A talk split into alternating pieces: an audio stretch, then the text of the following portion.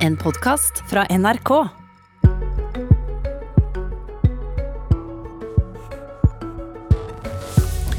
Hvor går grensa for hvor strenge koronatiltak vi skal tåle når så få dør av pandemien, spør Minerva-redaktøren. Og menneskerettsjuristen stiller spørsmål ved om det er greit å forby folk å ha mer enn ti i sin egen heim. God morgen og vel møtt til Politisk kvarter.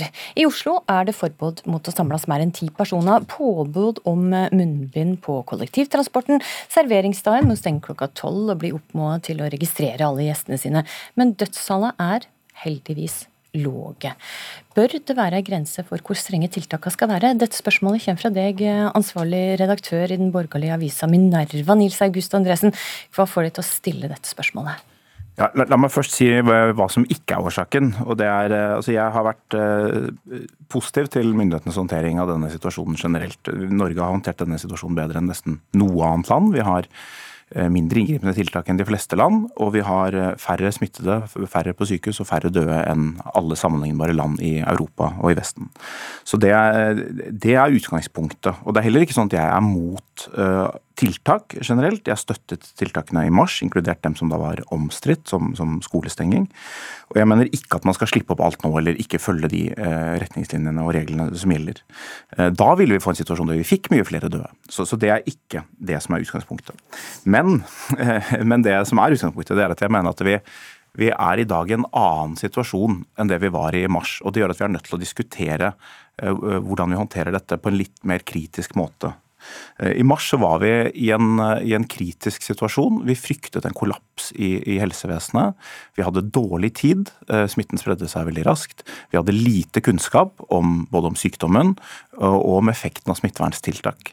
Eh, og vi fryktet kaos og kollaps, og den frykten var reell, selv om det ikke kanskje var fullt så ille stilt som de verste fryktene vi hadde. Men vi har sett i Italia og, og New York og andre steder liksom hvor, hvor raskt det kunne gå, og hvor kritisk det kunne bli. Eh, men nå er situasjonen annerledes. Altså, vi har en, en, mye bedre kontroll, eh, mye bedre testkapasitet, mye mer kunnskap. Eh, og vi vet også at vi kan sette i verk tiltak som vil bremse dette på en helt annen måte. Men er du, mener du nå at frykten for kollaps i helsevesenet ikke er så overhengende som den var da, eller? Jeg mener at den i hvert fall ikke er så akutt som den var. Altså, det er klart at hvis vi, man, man kan jo tenke seg at hvis vi at hvis det vokser over lang tid, på et eller annet tidspunkt så vil det bli en kapasitetsbegrensning i helsevesenet som vi må ta hensyn til. Eh, men, men, det jeg mener er at når, når, dette er situasjonen, når det ikke er den akutte og kritiske situasjonen, så bør vi betrakte dette som en litt mer på en måte alminnelig helseutfordring. For det er mange tilstander som fører til press på helsevesenet, som fører til syke, døde, men hvor vi veier kostnader og begrensninger litt mer kritisk. Og, og, som sagt, Det betyr jo ikke i dette tilfellet at vi ikke skal ha tiltak. Uten tiltak så, så sprer denne sykdommen seg veldig raskt. Det er lite immunitet. Jeg forstår at du vil ha tiltak, men du vil altså veie mer som en vanlig helseutfordring. Ja, så, så hva, betyr det i praksis? Ja, det betyr i praksis at noen av de mest inngripende tiltakene eh, de er på en måte historisk inngripende. og det, altså det, det var jo det vi sa i mars, at dette er de mest inngripende tiltakene i fredstid. Nå er det ikke så inngripende nå, men da jeg tok opp dette for noen uker siden, så var det i forbindelse med diskusjonen om å begrense antall som kan møtes i private hjem til fem. Det innebærer jo at veldig mange familier ikke kan ha besøk, f.eks. Og, og for å si hvor fem, da, sant? Og, og er, det, er det noen av tiltakene som vi har i dag du er kritisk til? Altså, jeg ønsker nok en diskusjon, i hvert fall, og liksom å få bedre begrunnelser og plassere det inn i en strategi. Hvor lenge skal dette vare? Altså, hvis vi tenker på avlyste uh, familieselskaper, dåp, konfirmasjon, 50-årsdager, alle den type ting. Eh, men, da, jo, mer, jo strengere det er, jo mer alvorlig er det på en måte. Derfor jeg sier fem var liksom det som fikk meg til å si at denne diskusjonen må vi løfte. Mm. Fordi, altså Det var jo Bent Høie selv som både sa det så, så fint om ungdommen, at for ungdommen så, så fins ikke neste sommer. Men for veldig mange der ute så er det jo sånn at livet leves nå, og, og, og vi vet ikke ennå hvor lenge dette skal vare. Det er klart at Hadde vi visst hvor lenge det varte, så var det lettere å legge en strategi, men, men, vi vet ikke hvor lenge det skal vare. og Da trenger vi en, en åpen politisk diskusjon om hvilke avveininger er det vi gjør. Hvor eh, store økonomiske kostnader og hvor store menneskelige kostnader skal vi akseptere. Jeg, er det konkrete tiltak som du mener en i dag ikke bør ha? Altså, jeg, jeg, jeg, pekte på dette med at ti at det kanskje er strengt. Fem mener jeg er for strengt. Uh, man kan nok også stille spørsmål ved om noen av tiltakene er utformet med tanke på å være veldig sånn, konsekvente, men ikke kanskje da helt tilpasset alle situasjoner. F.eks. av fotballstadioner som er enorme stadioner og som er, uh, har god plass, hvor man kunne vært flere mennesker enn det man er. Altså at Man, ikke, man gjør på en måte ikke maksimalt for å åpne opp. Man holder seg på den sikre siden, for å si det sånn. Og, og, med de omkostningene de har, så er det ikke sikkert at det i denne situasjonen, hvor vi ikke lenger er i en så akutt situasjon, så er det ikke sikkert at det er riktig. Og det er i hvert fall en debatt som jeg ønsker at vi skal føre åpent i en viss forstand, og politisk. Absolutt, og det ønsker vi i Politisk kvarter også. Men bare et spørsmål til. Er du villig til å godta mer smitte i samfunnet enn det vi har nå? Ja, altså jeg, jeg, ønsker meg mindre smitte. Det beste hadde vært om vi hadde lav smitte helt frem til vi fikk en vaksine som på en måte endret spillet litt. Men jeg er ikke villig til å innføre hvilke som helst tiltak for å sikre at vi har en så lav smitte som i dag.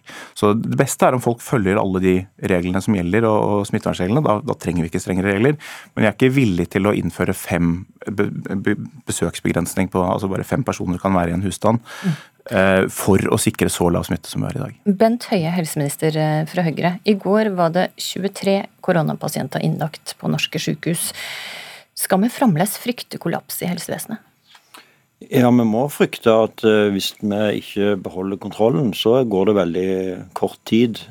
Litt lengre tid nå, riktignok, og det har Nils August helt rett i, enn det det ville gjort i mars. Nettopp fordi vi har styrka beredskapen vår betydelig på andre områder. F.eks. Eh, bare testaktiviteten og sporingsaktiviteten gjør jo at eh, antall smittedetallene er jo ikke sammenlignbare egentlig fra nå til mars, fordi nå tester vi betydelig flere. Eh, den gangen så tok vi jo utgangspunkt i hvor mange som lå på sykehusene, og prøvde å gjøre beregninger på hvor mange som var smittet under det.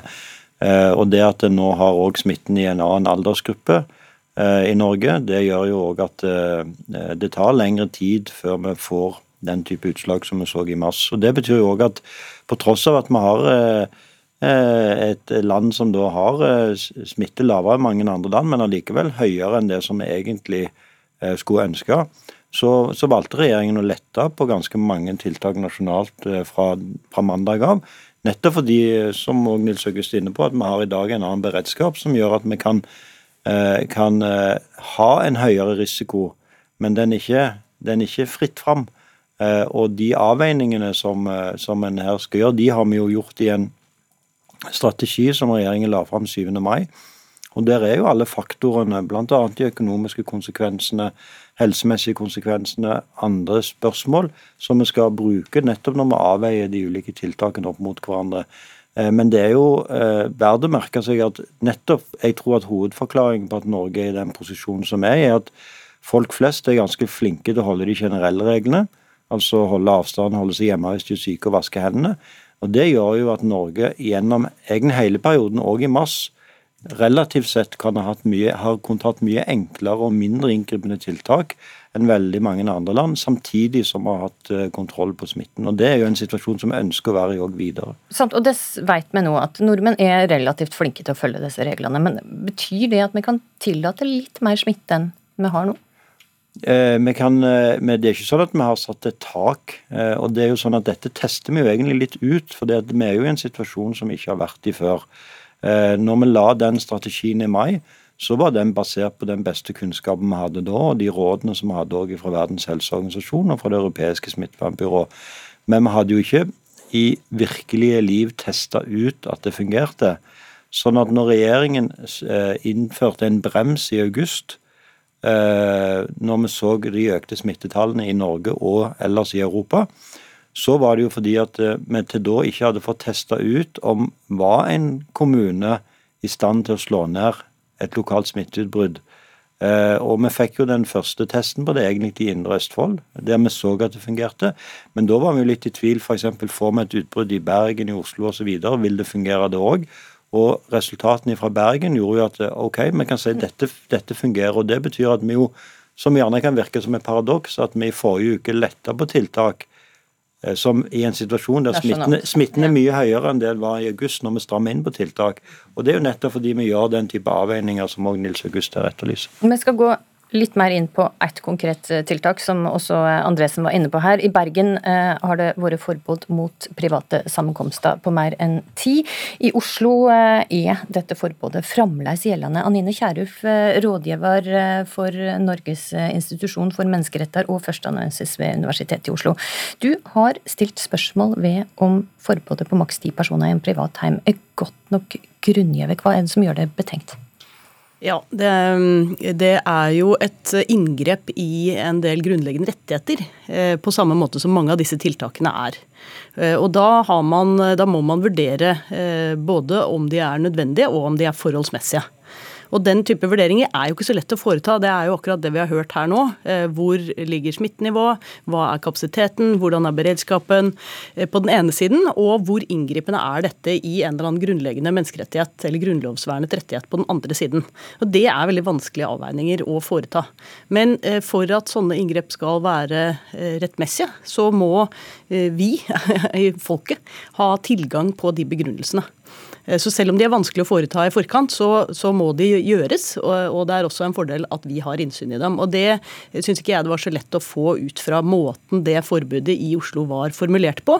Eh, og det var heller ikke klart for meg eh, i hvilken grad man hadde vurdert eh, behovet for å gjøre det til et forbud, som altså er straffebelagt og kan håndheves av politiet, eh, fremfor å rette det som en sterk anbefaling. Og der var jo også byrådslederen veldig utydelig på å si at dette var egentlig en veldig sterk anbefaling, men som var gjort i en strafferettslig forbudsform. Og det er en måte å bruke strafferettsapparatet vårt på som er uheldig. Du spurte om grunngjevinga for dette tallet på ti, eh, og den juridiske grunngjevinga for det. Når du fikk lese den, hva tenkte du da? Nei, den, eh, det, der, frem, der, fremgår det jo at man anser dette som nødvendig, men det er ikke en veldig konkret begrunnelse. så Det er, eh, si, det er, ikke, det er ikke, nok å si at vi har vurdert nødvendigheten og vi mener at det er nødvendig. Eh, du, man må få frem et eller annet medisinskfaglig begrunnelse for at det er akkurat denne grensen man setter, og akkurat på denne måten. Og fordi det er en straffbelagt regel, så er det viktig at den er tilstrekkelig klar og presis. Og det er også viktig at man har vurdert hvordan den eventuelt skal håndheves. Vi har et forbud mot husransakelser utenom i kriminelle tilfeller. Hvilken mulighet har politiet til å gå inn og faktisk håndheve dette, til, uh, dette forbudet? Uh, vi fikk beskjed i forkant om at dette var gjort uh, i tett dialog med politiet. det fremgikk ikke hva som var innholdet i den dialogen, og det ville overraske meg om politiet har gitt uttrykk for at de ønsker seg et sånt forbud, fordi for dem er det veldig vanskelig å håndheve denne type forbud. Mm. Bent Høie, det og Helsedirektoratet anbefalte tiltak i Oslo, og mente til og med at den skulle gå ned til maks fem personer. Hvordan vurderer du den eh, menneskerettslige situasjonen av å gå til et så inngripende tiltak? Nei, Dette er et veldig vanskelig spørsmål. Eh, og det er også en av grunnene til at Regjeringen har jo sagt at vi mener at sånn som smittesituasjonen i Norge har vært til nå, så har det ikke vært forholdsmessig å innføre dette som et nasjonalt krav. Og Det betyr at òg den grensen som vi har satt på 20, er, den er en anbefaling. Det er ikke et eh, forskriftsfesta krav, nettopp fordi vi mener at sånn som situasjonen i Norge er nå, så vil ikke det være forholdsmessig å gå til det grepet å regulere hvor mange mennesker en kan ha hjemme i sitt private hjem. Men både I, Oslo og Bergen men, har men, hatt ja. dette, og, og er forholdsmessig vurderinga som Kjerulf snakka her om nå, er den god nok, er det de mener? Ja, jeg støtter det som de gjorde både i Bergen og Oslo. Eh, og Det er en del av det rundskrivet som regjeringen har lagd eh, til kommunene, der vi òg eh, drøfter disse forholdene, og som ligger som, som, nettopp er et juridisk grunnlag for kommunene å bruke i den type vurderinger. Det som jo er situasjonen, som gjør jeg mener at dette er et hensiktsmessig tiltak i Oslo. Det ene er jo selvfølgelig den generelle smittesituasjonen. Det andre er jo òg at vi ser jo at det er jo nettopp i nærkontakten. altså det er sånn, Vi kan gjerne ha en idé om at vi blir smitta av fremmede mennesker på fremmede steder, på bussen og, på, og, sånt, men det er egentlig sånn at vi blir smitta av de, de, som vi kjenner, og ofte de hjemme eller i nærkontakt. og Da ser vi jo at i Oslo så er det ofte i forbindelse med den type private arrangementer. Og så er det jo noe med at kravet om én meter gjelder jo, og det er veldig mange i Oslo som bor sånn at det er helt usannsynlig at en kan ha 20 mennesker hjemme og ha én meters avstand. Så, så, dette har vært en nødvendig innskjerping her. Men det er klart det er dette er en veldig vanskelig avveining, men det er òg noe som jeg mener taler for spørsmålet knytta til menneskerettigheter. sånn At dette er, kan være hensiktsmessig, er jo at veldig mange andre land i Europa som har de samme rettstradisjonene som oss, har denne type reguleringer òg i den type situasjoner. Fikk du rett og slett eh, siste ord. Takk for at dere tok eh, samtalen om strategi og tiltak, Bent Høie, Nils August Andresen og Anine Kierulf.